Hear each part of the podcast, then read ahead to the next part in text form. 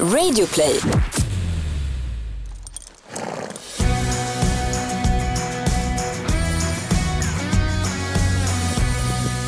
Välkommen till podcasten Ridklubben som handlar om hästar, om ridning, om stallet med mig Gry Forssell Och Rebecka Lagin. som är sanna hästnördar.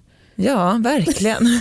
Jag älskar att kalla mig själv nörd. Ja, och idag ska vi nörda ner oss totalt. Vi ska prata dressyr, vi ska prata om favoritridvägar och hur snyggt kan man korta tyglarna egentligen med ingen mindre än Christian von Krusenstjerna. Men så himla spännande och intressant. Och jag har ju tränat honom en gång och tyckte det var wow, jag vill gärna göra det igen. Men man, har också, man undrar ju så himla mycket, hur gör, tränar han på att tävla när han rider eller rider han annorlunda ibland? Ja, och hur är det egentligen att rida? Han har ridit så många år för Kyra. Oh, wow. Alltså drottningen av dressyr. Kyra är ju en sån här un- the untouchable. Exakt, jag tror inte ens att jag skulle kunna rida för henne. Jag tror inte att jag skulle kunna bete mig. Är det så? Ja, jag tror det. Vem tränar du dressyr för? Men jag tränar ju mest för Ninni, en eh, tjej i stallet. Ninni Sassi är också super, superbra. Men hon, eh, nej, men hon är ju verkligen bra på att nå ut tycker jag. Mm. Men, och sen har jag varit och tränat för Christian och sen tränar jag ju mest i hoppning annars. Hur var det att träna för Christian?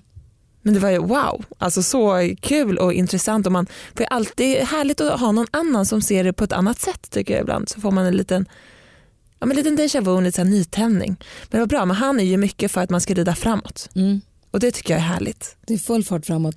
Jag var medryttare för, du pratade om i förra avsnittet att jag var medryttare på lite hästar hit och dit. Jag var medryttare på en häst som stod i ett stall precis bredvid ridskolan som Christian har. Ah, Så det var så jag upptäckte det där stallet överhuvudtaget. Och sen så när jag igen hade haft en längre, lucka, ett längre uppehåll så började min son gå på ridskola där i, Ågesta som Christian driver. ja. Eh, och då hade han Christians fru, flickvän då, Linda som ridlärare. Skitsamma. Eh, då hörde jag av mig till Christian och sa jag vill bara rida igen. Mm. Jag vill, kan inte jag få bara komma och ta, finns det någon häst kan jag få komma och ta privatlektioner för dig? För jag ville liksom verkligen börja sätta igång och rida. Så då började jag rida lite privatlektioner. Då hade han en häst i stallet som jag kunde rida. En av sina egna? En som han red. Oh, wow. Inte som han ägde men som han red. Som jag Men blev ändå. jättekär i en femåring.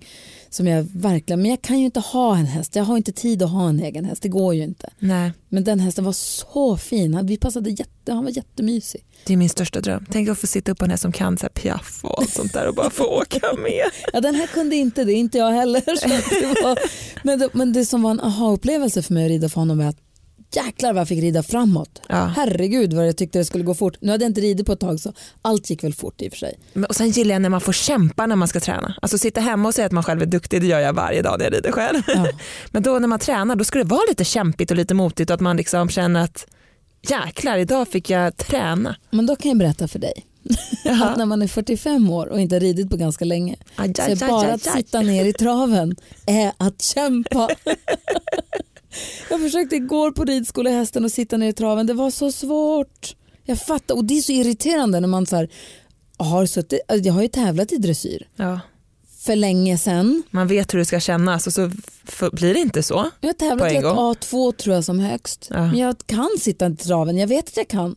Jag kan hålla handen stilla. Jag har kunnat förut. Det är svårt. Ja. Ingen ska säga att rida är som att cykla. Det, är Nej. mitt, det blir tokig när folk säger det. Men sen är det också ridning, det är så mycket, det är, dels är det mycket balans som också är en fär- färsk grej. Det är ingenting du kan träna på en gång och så funkar det resten av livet utan man måste träna hela hela tiden. Det är därför också man varit borta en vecka på semester och kommer hem och har träningsvärk och man bara men hallå jag har gjort det här i så många år. Prova flera år. Ja. Hörrni, vi nämnde i förra avsnittet, och ska jag säga det igen också, att eh, Scand Bio Stallpellets sponsrar den här podden. Gör Ja. ett samarbete med dem. Stort tack till dem. Verkligen. Och eh, det är ju då en eh, helt naturlig produkt för det här är gjort av torrt, det är alltså gjort av torrt torrt kutterspån från svensk skog som man pressar ihop i pellets så att det är lättare att transportera. Så blöter man det med vatten innan man lägger ut det i boxen. Puff säger det. ja. Det gör faktiskt det. Man öppnar de i påsarna, häller vatten och så poff, man räcker till popcorn. Ja men det, så blir det liksom lite fluffigt och lite mer eh, utsöndrat det här spånet så att det inte är hårda kulor. Scanbio.com går man in på om man vill läsa mer om den produkten. Det är ett litet tips. Nu så ska vi då välkomna hit en som driver en av landets största ridskolor. Han har utbildat hästar till Grand Prix och har massa framgångsrika elever så som Nina Rademakers och Lina Dolk för att nämna några. Eh, han kan också titulera sig som en av landets få A-tränare inom dressyr har precis fått utmärkelsen Från Årets dressyrtränare. Ja, det är fantastiskt. Ja. Säger välkommen hit till Christian Filip Johan von Krusenstjerna. Hejsan hejsan. Hur är läget? Det är bara bra. Det är bara bra. Ska vi börja med A-tränare? Vad, vad innebär det? När blev du utsedd till det? Eh, ja det var ganska nyligen. Det var bara ett par månader tillbaka. Vad betyder det? Ja, det är ju egentligen den högsta delen av, eh, ja det finns ytterligare en masternivå eh, som tränare i Sverige. Men A-tränare är den högsta nivån. Det finns C-tränare, B-tränare, A-tränare. A-tränare innebär att du har ridit Grand Prix och du tränar ekipage som rider Grand Prix. Och då är min fråga, med all den erfarenhet du har och med, med att du är A-tränare och tränar då människor som rider Grand Prix. Vad motiverar dig? För Christian är också min ridlärare. Just det. Med tanke på den nivå du tränar på, vad är det som motiverar dig att stå och harva i ridhuset med vanliga ridskolegrupper som du gör varje vecka? Ja, men det är lite, jag, alltså jag älskar ju detaljer och jag, liksom, jag gillar att plocka ner saker. Man kan ju tycka att eh, ett galoppombyte eller en ökad trav, jag menar det är väl bara att göra och se vad som händer. Men jag älskar ju att plocka ner saker i detalj och kunna då förklara och sen också utifrån det liksom förklara för alla möjliga. Men jag kan inte förklara samma sak för dig som för dig. Alltså, olika behöver olika förklaringar. Och det är en utmaning att kunna förklara och få fram det jag tycker att man ska tänka på. Få fram det till olika personer och på olika nivåer. Och det sätter mig lite grann i jag blir utmanad men sen också jag blir så inspirerad av att liksom, ja men just det, det där, det där jag sa precis nu Fan smart, det ska jag tänka, det tänker jag på, det ska jag tänka på imorgon. Bra där. Nej, men det ska jag tänka på imorgon när jag rider själv. Jag har liksom inte tänkt på högertygen i det där fallet men just det, det ser jag ju här att vilken skillnad det gjorde. Och så testar jag det själv dagen efter, ja, just det, bra tack. Och så, så, så, så jobbar jag hela tiden lite, mina elever är mina försökskaniner till mig själv och tvärtom så att säga. För jag är ju din ridelev, jag går ju på Ågesta ridskola. Jag kommer ju till ridskolan onsdagar och tittar på skärmen och vilken häst får jag idag då? Jag känner mig som en ponnyunge igen. Och sen nej eller ja, oftast ja. på vilken häst man ska ha. Så, men då kan man säga att egentligen vid din nästa tävlingsframgång då kan jag klappa mig själv lite på axeln. Vad har du tagit med dig från min ridning? Ja, jag vet inte, det är, med- det är, jag inspireras av alla. Snyggt dodgat hur, skulle, du- hur skulle du beskriva mig som ryttare? Du har ju, man ser ju på det att du har ju liksom mycket från bakgrunden. Du har ju liksom lärt dig rida en gång i tiden. Och eh, så ser man just, vi pratade om det lite grann innan här, att rida en gång i veckan, det tar ju liksom tid att lära sig igen och hitta alla knappar igen. Och lagom när man har ridit det här passet, då, då har man liksom hittat in det igen sen förra veckan och då är lagom passet slut. Och det tar ju längre tid att komma tillbaka samtidigt som man ser liksom att det går hela tiden framåt. Sen går det inte lika fort som man har ridit flera dagar i veckan och kanske fler hästar varje dag. Men det går hela tiden framåt och man liksom hittar lite mer känsla, lite mer känsla för varje vecka. Om du skulle träffa Rebecka för första gången och säger men Gry hon rider Bra, hon har en bra känsla. Hon vet, det, det jag skulle säga är att du vet vad du söker. Du, du vet vad du är ute efter när du hoppar Ja. upp i sadeln. Om man säger, det är ju liksom en liten brytpunkt för ryttare. Att de här ryttarna som du måste, som, vad är det de letar efter? De, de, man ser att de letar efter, man har egentligen ingen aning vad de letar efter. På dig ser man ju att du letar efter att hästen ska bjuda, den ska ge eftergift, den ska vara självbärig och sen behöver du liksom mm, få, få, få verktyg för att hitta det. Det är ju så att precis när jag fått ordning på skänklarna då har jag tappat handen. Och då får jag ordning på handen, ja då tappar jag sitsen. Och då, får, då, då är vi tillbaka på skänklarna igen. Så går det ju runt det Mm, där. Det är den koordinations... Jag tror inte att du är ensam om det där Gry. Nej, men hur, ska- hur ska man göra för att få ihop alla delarna då? Men det är där det behövs repetition tror jag. Att man, man måste repetera så att vissa saker kommer bara av, av farten. Och det är ju det här, vad, vad, vad, blir din första reaktion om det händer någonting? Är reaktionen att lätta i handen, dra i handen och egentligen skulle du varit där med sätet eller skänken. Och ja, då måste du, måste du repetera det tills det sitter. För det är ju svårt att kunna tänka på alla saker. Jag menar, varenda rörelse har ju, det är mellan 10 och 15 liksom signaler egentligen om man ska eh, plocka ner det som du ska göra samtidigt. Om vi nu pratar om Mm. säte, skänkel, hand, hur hästen ska gå, linjen, tvärningen, hästens form. Ja, det finns mängder med saker i varje rörelse. Du har ju då, du har elever på alla olika nivåer, allt från elit till, eh, kanske inte nybörjare men hobbyryttare. Vilket är det vanligaste misstaget som du ser folk göra? Jag tror misstaget är inget ehm, eh, medvetet misstag men det blir misstag när man har svårt med sin egen kroppskontroll. För den påverkar ju sätter jag en person på mina axlar så ska jag springa med den personen och den personen bara håller på och lajar omkring och leker med sig själv där uppe. Då får jag väldigt jobbigt att försöka ta hand om den här personen på mina axlar. Så sätter jag en, en person på mina axlar som, som försöker hålla balansen hela tiden och sitter ganska lugnt. Då kan, jag, då, då kan jag bära runt på den här personen på mina axlar ganska enkelt. Där hamnar vi som ryttare på våra hästar. Alltså att hästen är hela tiden där och försöker, och, ja, vad vill du nu? Nu vill du att jag ska svänga? Nej, det vill du inte. Va, vad ska jag göra? Så hästarna letar ju signalerna från oss och har vi då svårt med vår egen kropp så gör vi misstag för att vi, vi råkar ge sväng höger men vi vill egentligen svänga vänster med vår kropp sa något annat. Så det, det är väl, jag tror inte att det är medvetna misstag utan det, det blir lite omedvetet för att man har man måste kunna ta hand ha egen kroppskontroll så att säga. Hur länge har du hållit på med hästar? Jag kommer inte ihåg hur länge jag har hållit på så det innebär att jag har hållit på sedan jag eh, inte visste vad jag gjorde höll jag på att säga. Så liten var jag. För du är, född, du är, väl, du är uppvuxen på den gård där du har Mm. ridskolan, eller hur? Det stämmer. Ska man bara förklara för våra lyssnare egentligen. Det är en gård, i ett hus på ena sidan gatan bor du och din fru och ni båda jobbar på ridskolan. Och där bor också din mamma Mm. som har hand om kaféet som är fantastiskt, som har Sveriges godaste vaniljbullar. på andra sidan gatan bor din syster som också jobbar på ridskolan och hon, hennes man tar hand om gården och marken och kossorna. Och sen så har ni ridskolan där. Hur i hela fridens dag håller ni överens? Ja, vi är ju, vi är ju liksom vana vid att jobba ihop och det är ju eh, det är, det är dy- dynamiskt kan man väl kalla det i vissa fall. Ehm, Men samtidigt så har vi våra olika eh, delar i gården och sen har det ju, gården har ju vuxit från, eh, alltså, min familj kom dit, pappas morfar kom dit 1910. Så att familjen har ju varit där länge. Sen har ju gården utvecklats från att eh, som 60-talet så fanns det ju 60 kor till att nu då på 70-talet, 80-talet så var det 60 hästar. Så att det har ju liksom förändrats hur gården har, har ändrat inriktning men sen framförallt sista 30 åren så har ju hela ridverksamheten och ridskoleverksamheten bara ökat och ökat mer och mer. Så att idag har vi över 900 elever i veckan.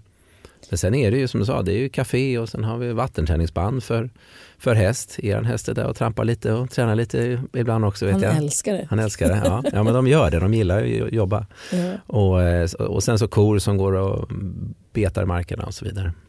Det låter som en dröm.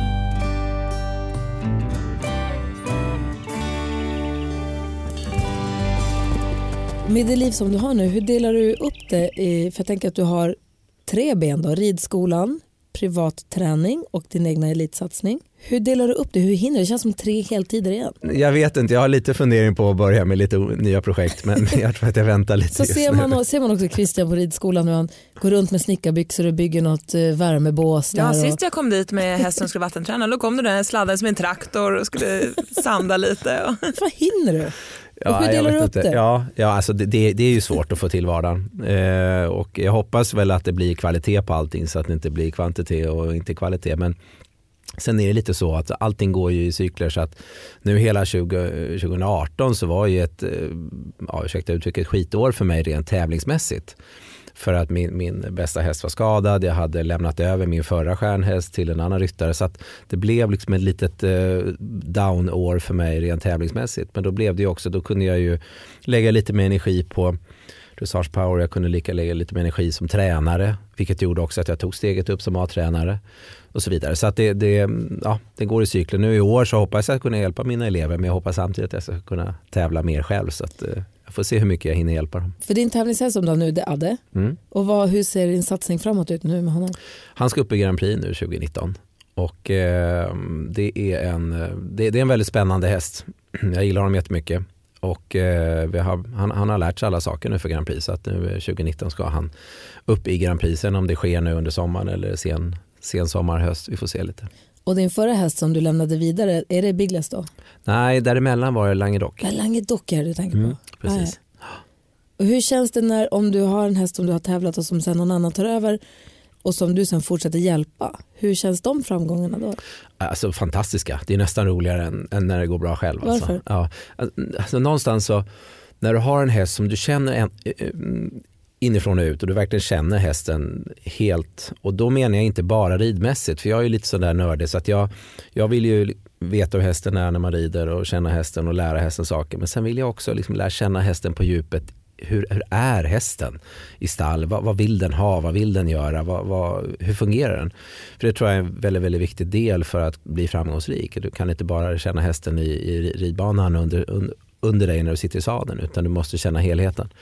Och det har jag ju fått göra med de här hästarna, både Biggles och Languedoc som jag utbildat upp till Grand Prix och sen lämnat över till Lina Dolk, vilket gjort att eh, det är fantastiskt att se framgångarna men också liksom få henne att hitta hästarna samtidigt som jag känner dem. Och, eh, ja, det har varit jättehäftigt. Hur gör du för att lära känna hästarna då på djupet? Det där vill man ju själv lära sig då. Ridmässigt så är jag ju oavsett nivå på hästen så backar jag liksom verkligen bandet totalt. Eh, det spelar ingen roll om jag vet Biggles när jag fick honom, han gick Grand Prix redan.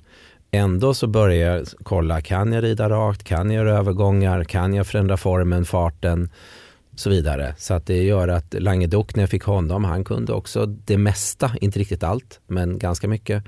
Men jag satt i fyra månader bara för jag ville att han skulle lära sig att kunna gå två meter innanför spår rakriktat, eftergiven, självbärig. Och där liksom är min nördighet lite grann. Att jag, och, men det gör ju samtidigt också att då lär jag känna hästarna och jag bygger upp hästarna på ett sätt också som gör att jag tycker inte att jag faller så långt om det blir problem. Jag liksom lätt kan gå in och problemsöka för att jag har tag, försökt ta allting i steg för steg. Du inte river ner huset men du ändå går ja. igenom det byggsten ja. för byggsten precis, på något vis. Precis. Och det gör ju också att, som jag har märkt nu, att både Biggles och Languedoc har ju varit relativt, nu är Lina duktig, väldigt mycket talang och duktig ryttare, men det är ändå relativt enkelt att ta över för att det är inga liksom, konstigheter utan hästarna är, de, de har lärt sig alla saker på, på ett, liksom ett bra sätt. Och det är ju liksom, det är en sån här häftig grej för mig som ryttare. Kan en annan ryttare hoppa upp och rida min häst? Det är ju ett bevis på att man har gjort någonting bra. Och sen handlar det om att lära känna dem i stallet då, eller på det privata planet. Eller man ska säga. Hur gör du då? Ja, men det var faktiskt en sån här grej som jag och min fru pratade om för några veckor sedan. Just att det är en sån här grej som jag kan sakna lite nu. Att jag kommer ifrån hästarna lite grann. Men det gör ju å andra sidan när jag är ute på tävlingar och eh, man, man åker runt land och rike och, och världen och tävlar. Då lär man känna hästarna egentligen mer där. Eh, men nu när man då inte har varit ute och tävlat då kan jag känna det att jag saknar den biten. Men det är ju att hur är den i, i stallgången i boxen mot boxgrannar? Hur äter den och vad äter den? Och, alltså man har, man, man, man, man har he, hela, en helhet helt enkelt. Det är mycket tid som ska, man kanske går med dem mycket och är med dem mycket. Det kommer ihåg du sa Rebecka när du var med Neo till Elmia mm. för några år sedan. Och det var mycket väntan, väntan där och du gick och gick och gick och ledde och ledde och ledde. Du sa att ni verkligen fann varandra där. Ja men absolut. För då var då, han ny för dig ju. Ja men exakt, då var vi, vi hade precis träffats. men då, för där står de oftast, det finns inte hagar eller något annat sätt att ta ut dem på utan man måste ju verkligen ja, men gå med dem eller att man kanske rider två gånger om dagen. Och då märker man att man bandar ju på ett helt annat sätt än i stallet. För då, så kan jag tänka ibland hemma när jag är i stallet gör jag gärna allt med min häst. Alltså ska den få lunchmat så ger jag gärna det själv för att se hur den beter sig. Och ska de gå in från hagen så går jag gärna och hämtar min häst själv. Men ibland kan jag uppleva att folk då står och väntar vid dörren på att hästen ska komma till dörren. Och då kan de ta emot dem. Men de går liksom inte ut och hämtar dem själva. Och det tycker jag är viktigt. Ändå, du menar man har stallpersonal som har insläppt? In ja, men exakt, eller? exakt. Så att man försöker, när man väl är i stallet så gör allt med din häst. I alla fall under tiden du är där. För man lär ju känna dem om de är sura på maten. Eller? Jag tror det är en jätteviktig del och det är någonting, någonting man glömmer ibland och det är ju väldigt fokuserat, framförallt om man då tittar på tävling, att det är väldigt fokuserat kring ridningen och det kanske på ett sätt är Tittar man på ridskoleryttarna så är det även där, många är ju där och liksom vill bonda lite med hästen innan men många kanske kommer och sadlar tränsar, går ut, rider och så sadlar av och så iväg. Upplever du att folk är mer stressade? Ridskoleelever och Absolut. Eh, och, eh, men jag tror att det, det, är därför också det är så viktigt att, att, prata och lyfta den här delen och prata om den här delen. För att jag kan bara ta ett exempel. Jag hade en elev som hade lite problem med sin häst och då började jag fråga hur hästen tog över lite ridmässigt.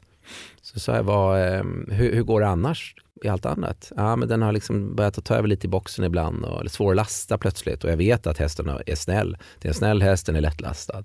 Och då visade jag henne lite grann hur hon skulle handhavandet så att säga på marken. Så här måste du tänka när du leder, gör så här i boxen, papp, papp, papp. Och nu, nu så bara då efter en, en tid så, ja, nu är lättlastad igen, står stilla i boxen och har slutat att ta över i ridningen. Så att det, var just att plötsligt kliva in igen och, och liksom lära känna hästen. I det, I det fallet så handlar det om att, att ta över ledarskapet igen. Jag tänker också att folk kanske, du vet, man har ett samtal med någon handsfree när man håller på och ryktar med någon i telefon eller man håller på, det ska instagrammas eller vad det nu kan vara, att man inte riktigt är där. Att det märker ju de också. Och det är även om du är på tävlingar så är man ju snabbt Ryttarna är ju snabbt där och tittar då på, på resultaten i KIP. Liksom. Ja, hur, vad, vad, vad, har jag för resultat och vad fick jag av alla domare? Och titta på protokollet och så vidare. Och så vidare. Och sen, och sen att hästen ska skittas av och ta hand om hästen där. Det, det gäller ju att inte man glömmer den delen. Utan det blir ju lätt att hästen försvinner och så kanske man förhoppningsvis tar hand om den ordentligt. Men det blir väldigt resultatfixerat efter sin ritt där. Ett poddtips från Podplay. I fallen jag aldrig glömmer djupdyker Hasse Aro i arbetet bakom några av Sveriges mest uppseendeväckande brottsutredningar går vi in med hemlig telefonavlyssning och, och då upplever vi att vi får en total förändring av hans beteende. Vad är det som händer nu? Vem är det som läcker? Och så säger han att jag är kriminell, jag har varit kriminell i hela mitt liv men att mörda ett barn, där går min gräns. Nya säsongen av Fallen jag aldrig glömmer på Podplay.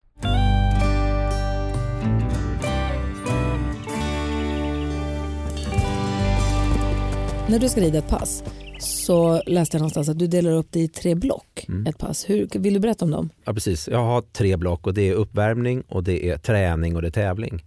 Och med det tänker jag mig att, att jag måste ha koll på de här tre faserna. För trä, eller tävlingsfasen, det är ju den, det är där jag ska visa upp. Det, då har jag en domare som sitter och bedömer mig.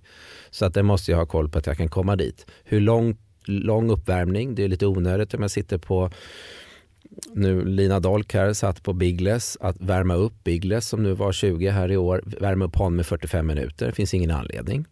Eh, vilket vi inte gjorde heller.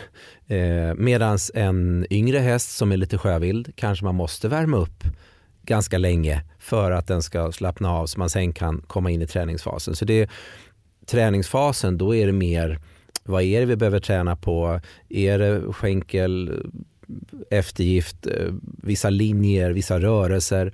Och kanske inte då, då har jag inte en tanke när jag är i träningsfasen att det sitter en domare och bedömer. För det kan vara att bakdelen är före, det kan vara att formen är fel så att säga tävlingsmässigt. Ehm, det kan vara att det går för fort i en, i en skänkelviktning. Men det kanske just är för att vi är i en träningsfas. Vi är i en, ett träningsmode. Och då, då sitter ingen domare där. Men det måste inte vara perfekt utan det, det, ska, måste det inte vara perfekt. Det finns en, en, en tanke med det och vi har liksom ett mål med just den här grejen. Och sen å andra sidan, hur lång tid tar det sen om jag nu skulle göra alla de här tre faserna på ett pass? Pratar vi 10 minuter framridning? Pratar vi ehm, 10-15 minuter träningsfas? För jag vill kunna även ha den här träningsfasen om jag är på en framridning till exempel, en tävling. För där jag inte tänker på att jag blir bedömd. Det kan vara lite fel åt något håll så att säga. Eh, och sen då, när ska jag sen gå in i tävlingsmodet? Där jag, för mig, om någon säger tävlingsmode när jag sitter och rider, att bara visa vad tävlingsmode är.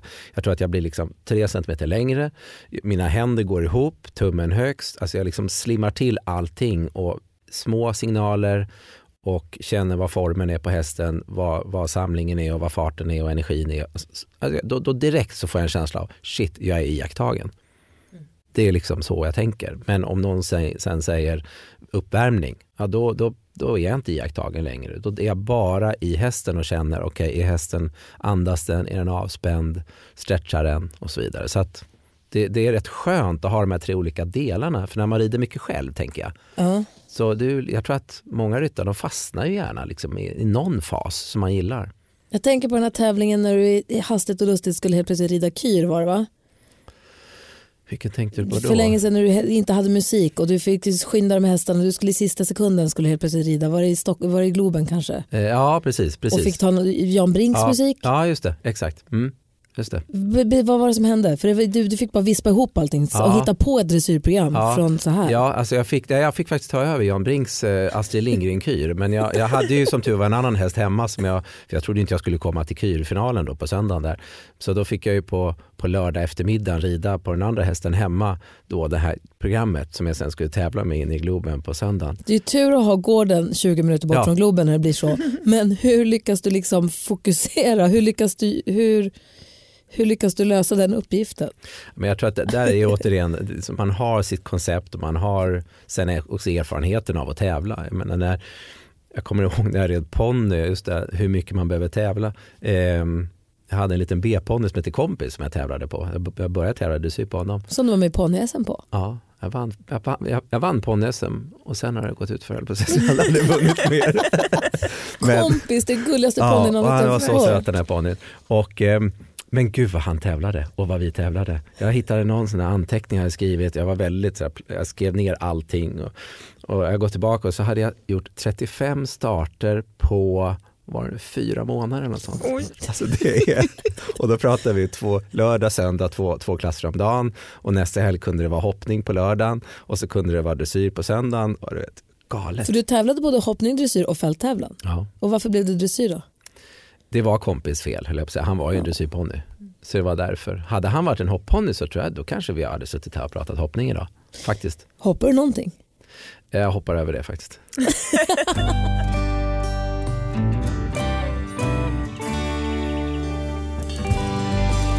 Första gången jag är rädd för dig, mm. jag har aldrig ridit så fort i ett ridhus. Ja, alltså man får ösa på mm. när man rider för dig. Mm. Du har också ridit för Christian ju. Ja på, på Neo. Neo. Ja, precis. Håller du med mig eller Gud, är det bara jag ja. som tycker att det är... Gud. Och det, är också, det känns som att det finns två olika block av dressyrtränare. Vissa dressyrtränare som jag tränar för, då ska det ju gå så långsamt så att man står ju still. Mm. Mm. och så är du i det andra blocket, att mm. där ska det matas på, alltså mm. där ska hästarna gå framåt. Mm. Hur ska man veta vad som är rätt? Säg. Ja, och någonstans så, jag, jag, jag försöker hela tiden tänka att jag, jag, ser allting väldigt långsiktigt. Alltså alla mina ridskoleryttare, någonstans ser jag, jag ser ju er som att det, jag, jag, jag formar er för att kunna rida Grand Prix en dag. Alltså det är dit liksom någonstans jag tänker yes. mig. Än är inte hoppet över. det kan gå. Det kan gå. Jag tror att man måste ha det tänket för att annars kommer man till ett läge där man lär sig rida fram till att på ett sätt. Och Vilket så, år rider jag Grand Prix Christian? Ja det vet man ju aldrig. oh. det, vet, det är som vi sa, det är hästen, det är många, det är många saker som ska falla på plats. Okay, rätt häst vid rätt tillfälle. Men jag tror att det, det, det, är, mm, det, det, måste finnas en, ett långsiktigt tänk med hur rider jag en 20 meters volt i galopp? Det kan vara för att jag en dag vill kunna slimma ner den och få en galopppiruett. Alltså så att det inte blir att jag lär mig rida 20 meters volt i galopp på ett sätt och sen ska man då börja träna för piruetter. Då måste man lära sig rida på nytt. Utan allting måste hela tiden bygga, eller kunna bygga vidare. Och där tycker jag just det här med tempot är att det är många som, som tycker att liksom långsamt tempo, då har man kontroll har man i och för sig, man har ju jättekontroll om man står still. Men, men det, då, då kommer man inte just till det här läget att när man sen ska få energi och, och, få hästen lite mer självgående och kanske utveckla hästens sätt att röra sig som vi jobbar mycket i dressyren med. Då får du plötsligt lära om och liksom kunna börja rida på ett annat sätt. För du kan inte utveckla gångarter och rida bakåt. Men många för, jämför ju eh, tempo och balans på hästen. Mm. Att om jag rider ett högt tempo så sätter den ur balans hela tiden mm. och att det är då dåligt, därför ska man rida långsamt. Mm. Hur, hur tänker du där då? Och det är just det här, det finns ju tempo och så finns det energi. Och, eh, och, och, och där någonstans, när tempo och energi hamnar rätt för hästens utbildningsnivå, då får du balans så skapar du balans i hästen. Och där tror jag kanske ibland att man, man tror att man kan bromsa sig lite till en balans.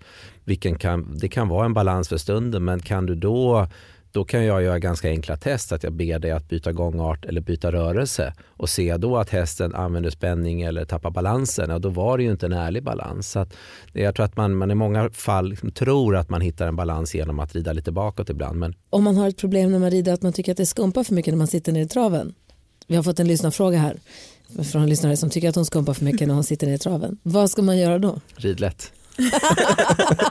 det får man inte göra när man tävlar dressyr. Nej just det, var ju så Vi ska rida Grand Prix Christian. Oh. Nej, men det mycket är ju med bålen att man, man spänner liksom insida lår, man spänner, man spänner benen eh, och både det att man tränar på att rida utan stigbyglar så att man är tvungen att släppa ner benen, tvungen att komma ner i sadeln. Men sen också att man hittar liksom rätt, rätt eh, stabilitet i bålen. Så man kanske behöver lite bålträning. Så att man inte liksom, just, just man, man, man hamnar gärna liksom och spänna insida ben, lår och så studsar man lite grann på låren där och kommer inte riktigt ner med sätet. Vilka är dina utmaningar med din egen ridning? Eh, ja det är väl just att sitta ner höll jag på att säga. Jag är en liten skumpare. Alltså jag, har, jag är lite styv i kroppen liksom, så jag måste, jag måste liksom träna. Jag måste hålla min, min bål i schack för att inte, inte skumpa. Det är därför jag har bara rider när det är fracktävlingar eh, för då ser man inte att jag skumpar. Hur tränar du för att uh, komma i tävlingsform? Eh, nej men det, det är fys, fysträning. Mycket bål och rörlighet. Det är min, jag är inte speciellt rörlig. Vi pratade om det tidigare, du har ju ridskolan som ni driver i familjen. Det är du som är, om du fortfarande är ansvarig för inköp av hästar, mm. både privat och till ridskolan. Det låter som en drömuppgift att få åka runt och hästshoppa. Vad går du på när du söker efter hästar? Ja, drömuppgift vet jag inte. Det är svårt. Det är jättesvårt. Det är ju, aven idag är ju, man avlar ju för, för tävling och det är ingen som avlar ridskolehästar. Och eh, tävlingshästarna som inte blir tävlingshästar, de kanske är lite för varma i huvudet för att kunna gå på ridskola. Så det är en jättesvår uppgift att hitta bra hästar till ridskolan. Men, men det är lite, jag försöker ha en, eftersom vi har så pass stor ridskola, vi har ändå 64 hästar, vilket gör att då, då, måste jag också ha lite dynamisk eh, liksom samling hästar. Så att det är inte så att jag bara vill ha snälla hästar som inte rör en, ett, ett öra. Många av våra ryttare är ju ryttare som säkerligen haft, hade de haft möjlighet så hade de tävlat själva och haft egen häst och kanske till och med varit på Sankt Georg-nivå. Så det gäller ju att jag har hästar till dem, men det så, så utmanar dem. Eh, samtidigt som jag måste ha hästar till dem som är gröna och lite rädda och inte vet och inte har lärt sig än. Och om du ska kolla på hästar åt dig själv, vad är viktigt hos en häst då? Mer och mer så är det eh, ridbarheten först, först och främst.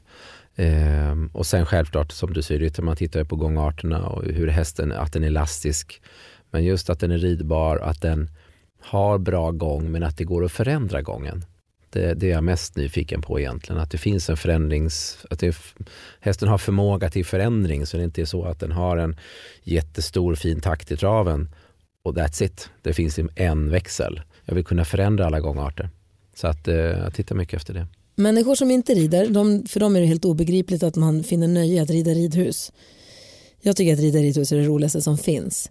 Och då en ganska töntig fråga kanske. Men vilken del av fyrkantsspåret är din favorit? Eh, en rolig fråga faktiskt. Jag aldrig, den har jag aldrig fått förut. jag tror min Men... är ut ur andra hörnpasseringen upp mot långsidan. Vilken är ja. din? Eh, det är nog, jag skulle nog säga faktiskt tvärtom, att jag gillar liksom ur första hörnet och liksom just, lång, just kortsidan.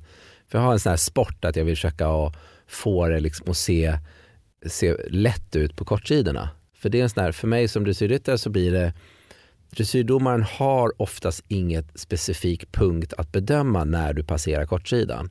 För du är alltid på väg till någon annan rörelse. Du har gjort en rörelse och du ska till nästa rörelse. Så just där, det, det domaren gör där, det är ju bara att de liksom ser framför sig hur det ser ut. Och kan du där då liksom visa upp så domaren bara wow, gud vad lätt det ser ut och wow, vilken kraft det är och sitter, sitter bra. Alltså, så, än att liksom, den här kortsidan så ser det ut som ryttaren liksom, håller på att hasa av eller hästen ser halvhalt ut.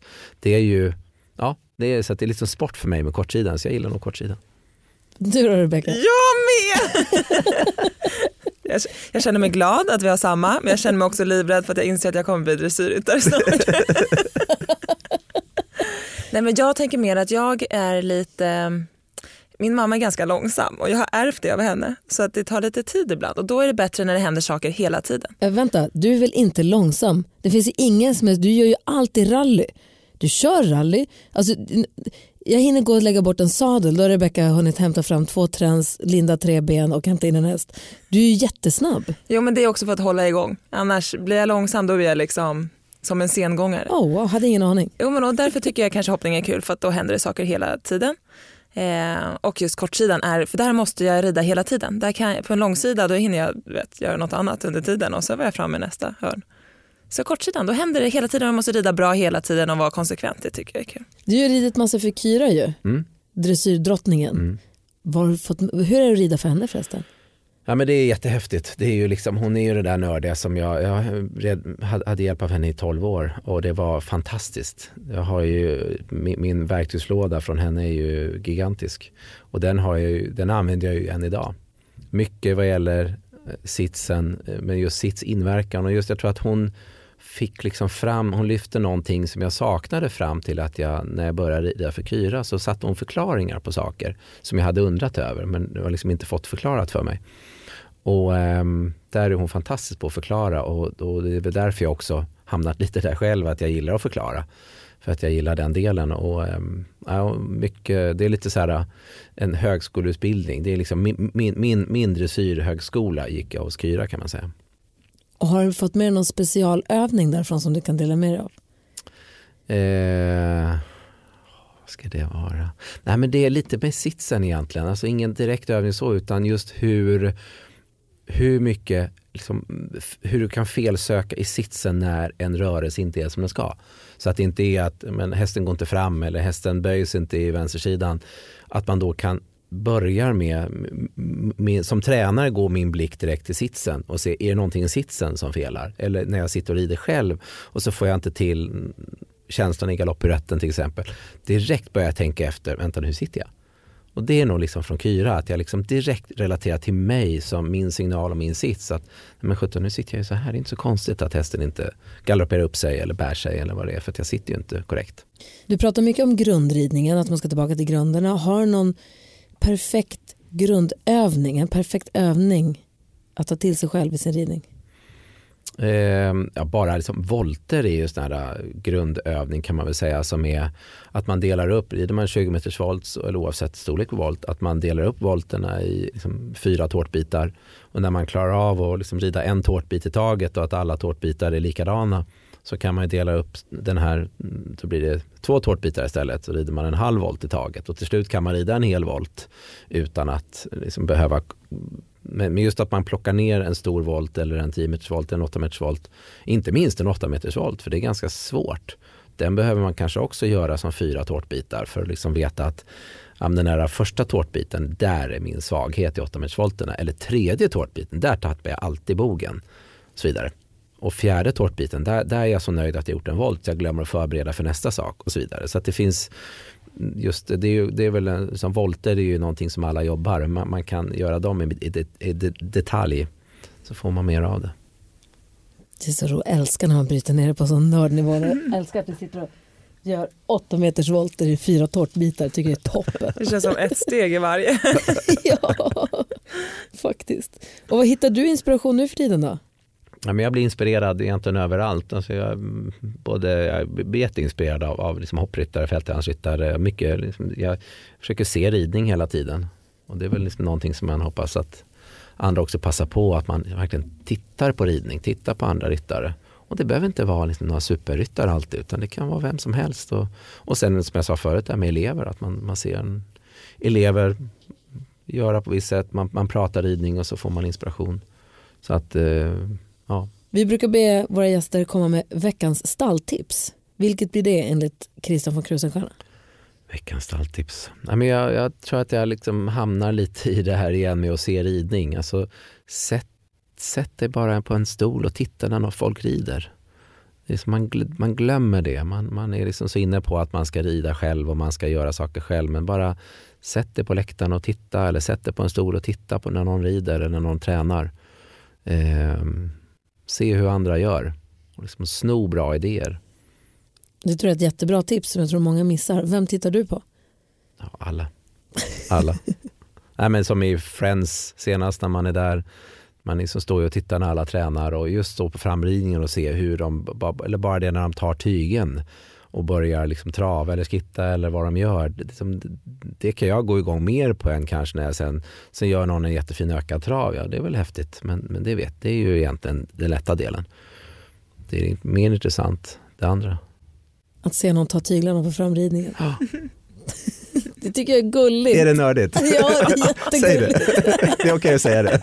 Jag kan ta det. Du, tack snälla för att du kom hit.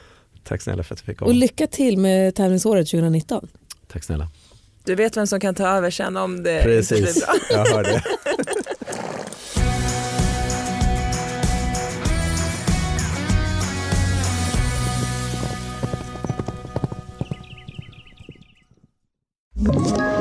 Ett poddtips från Podplay. I fallen jag aldrig glömmer djupdyker Hasse Aro i arbetet bakom några av Sveriges mest uppseendeväckande brottsutredningar. Går vi in med hemlig telefonavlyssning och, och då upplever vi att vi får en total förändring av hans beteende. Vad är det som händer nu? Vem är det som läcker? Och så säger han att jag är kriminell, jag har varit kriminell i hela mitt liv men att mörda ett barn, där går min gräns. Nya säsongen av Fallen jag aldrig glömmer på Podplay.